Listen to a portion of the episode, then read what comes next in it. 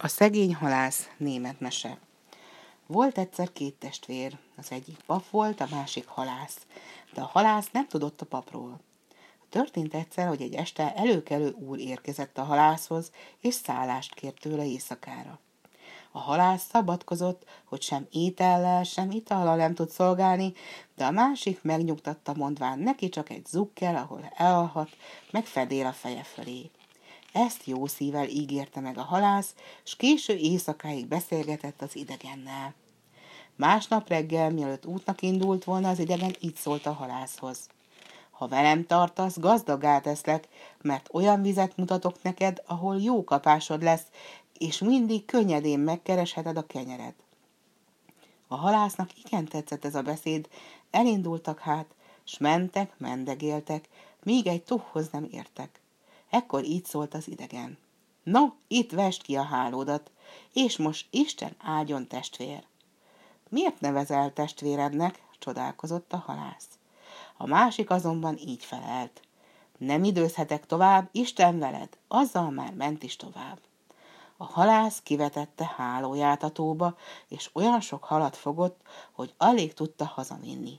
Aztán nagy vígan elment egy nemes emberhez, aki az egész zsákmányt megvásárolta, és jó pénzt adott érte a halásznak. Mikor azonban a szakácsnő meg akarta sütni a halat, egy öregasszony lépett ki a tűzből, kezében mogyorófa vesztővel, és így szólt.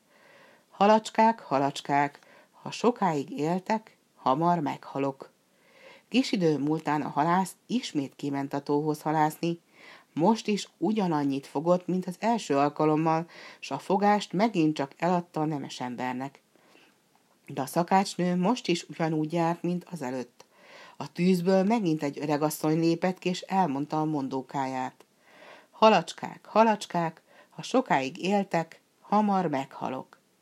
Ugyanígy történt harmadszor is, amikor a szakácsnő azt a halat akarta elkészíteni, amit a halász hozott. Mikor azonban a halász negyedszer is kivetette a hálóját a tóban, csak húzta, húzta a hálót, míg végül utolsó erejét megfeszítve egy nagy, nehéz ládát vonszolt ki a partra. A ládán óriás kulcs csomót talált, kiválasztott egy kulcsot, hát ha illik a zárba.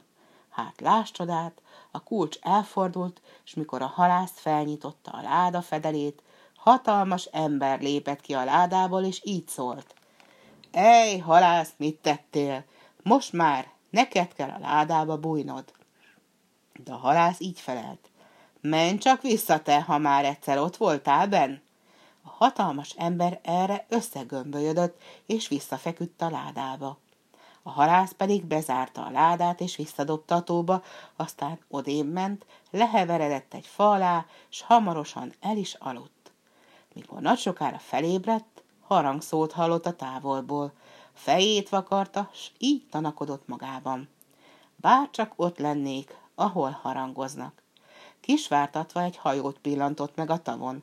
A hajón férfiak álltak, és intettek neki, hogy menjen, menjen csak oda hozzájuk. Oda ment hát a partra, s beszállt a hajóba. Megkérdezte a férfiakat, hogy kik ők, és merre tartanak, de azok nem feleltek, csak biccentettek. Így hát leszállt a hajóról, és útnak indult. Ment, mendegélt, míg egy városba nem ért. A kaput katonák őrizték, őket is megszólította a halász, de feleletet tőlük sem kapott.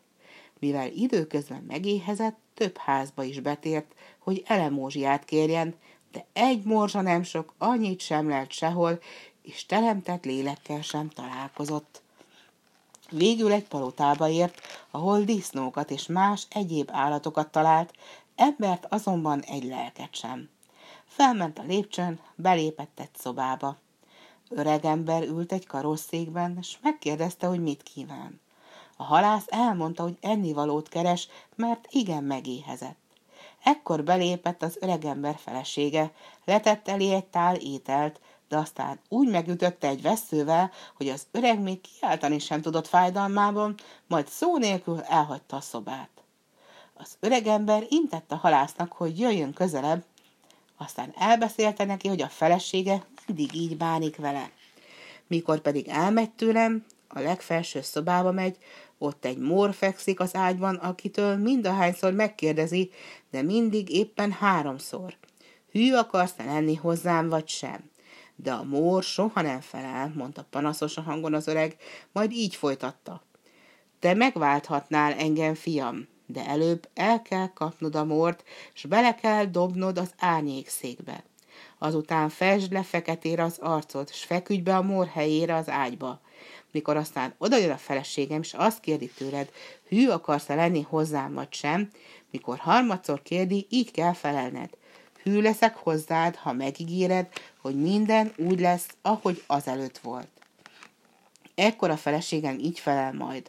Akkor hát fogd meg ezt az ezüstpengét, és vág le a fejemet, a véremet pedig hint szét a falon, és akkor minden úgy lesz, ahogy azelőtt volt, és neked pontosan így kell tenned. A halász felment a palota legfelső szobájába, belőkte a mort az árnyékszékbe, aztán lefestette az arcát, és befeküdt az ágyba. Mikor megérkezett, az asszony is kérdezte tőle, hű akarsz lenni hozzám, vagy sem. Mikor harmadszor kérdezte, így felelt a halász. Hű leszek hozzád, ha megígéred, hogy minden úgy lesz, ahogy azelőtt volt. Az asszony erre oda nyújtotta neki a pengét, felszólította váglója fejét, vérét hincse a falra. Halász rögvest így is tett. Akkor aztán visszament az öregemberhez, és elmondta neki, mit végzett. Az öregember igen örvendezett, és így hálálkodott a halásznak. Hálát rebegek Istennek, amiért megváltottál. Tudd meg, hogy a feleségem boszorkány volt, és a mórral, a fővarázslóval együtt elátkozott engem. Hálám jeléül fogadd el a trónomat, mert én vagyok a király.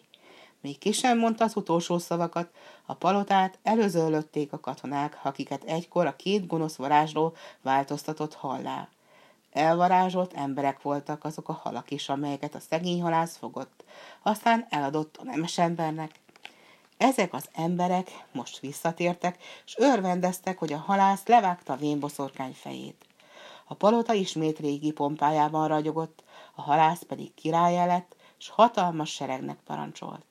A hatalom, a nagysereg azonban végül elbizakodottá tette a királyt, aki azt akarta, hogy a birodalma egyre nagyobb és nagyobb legyen.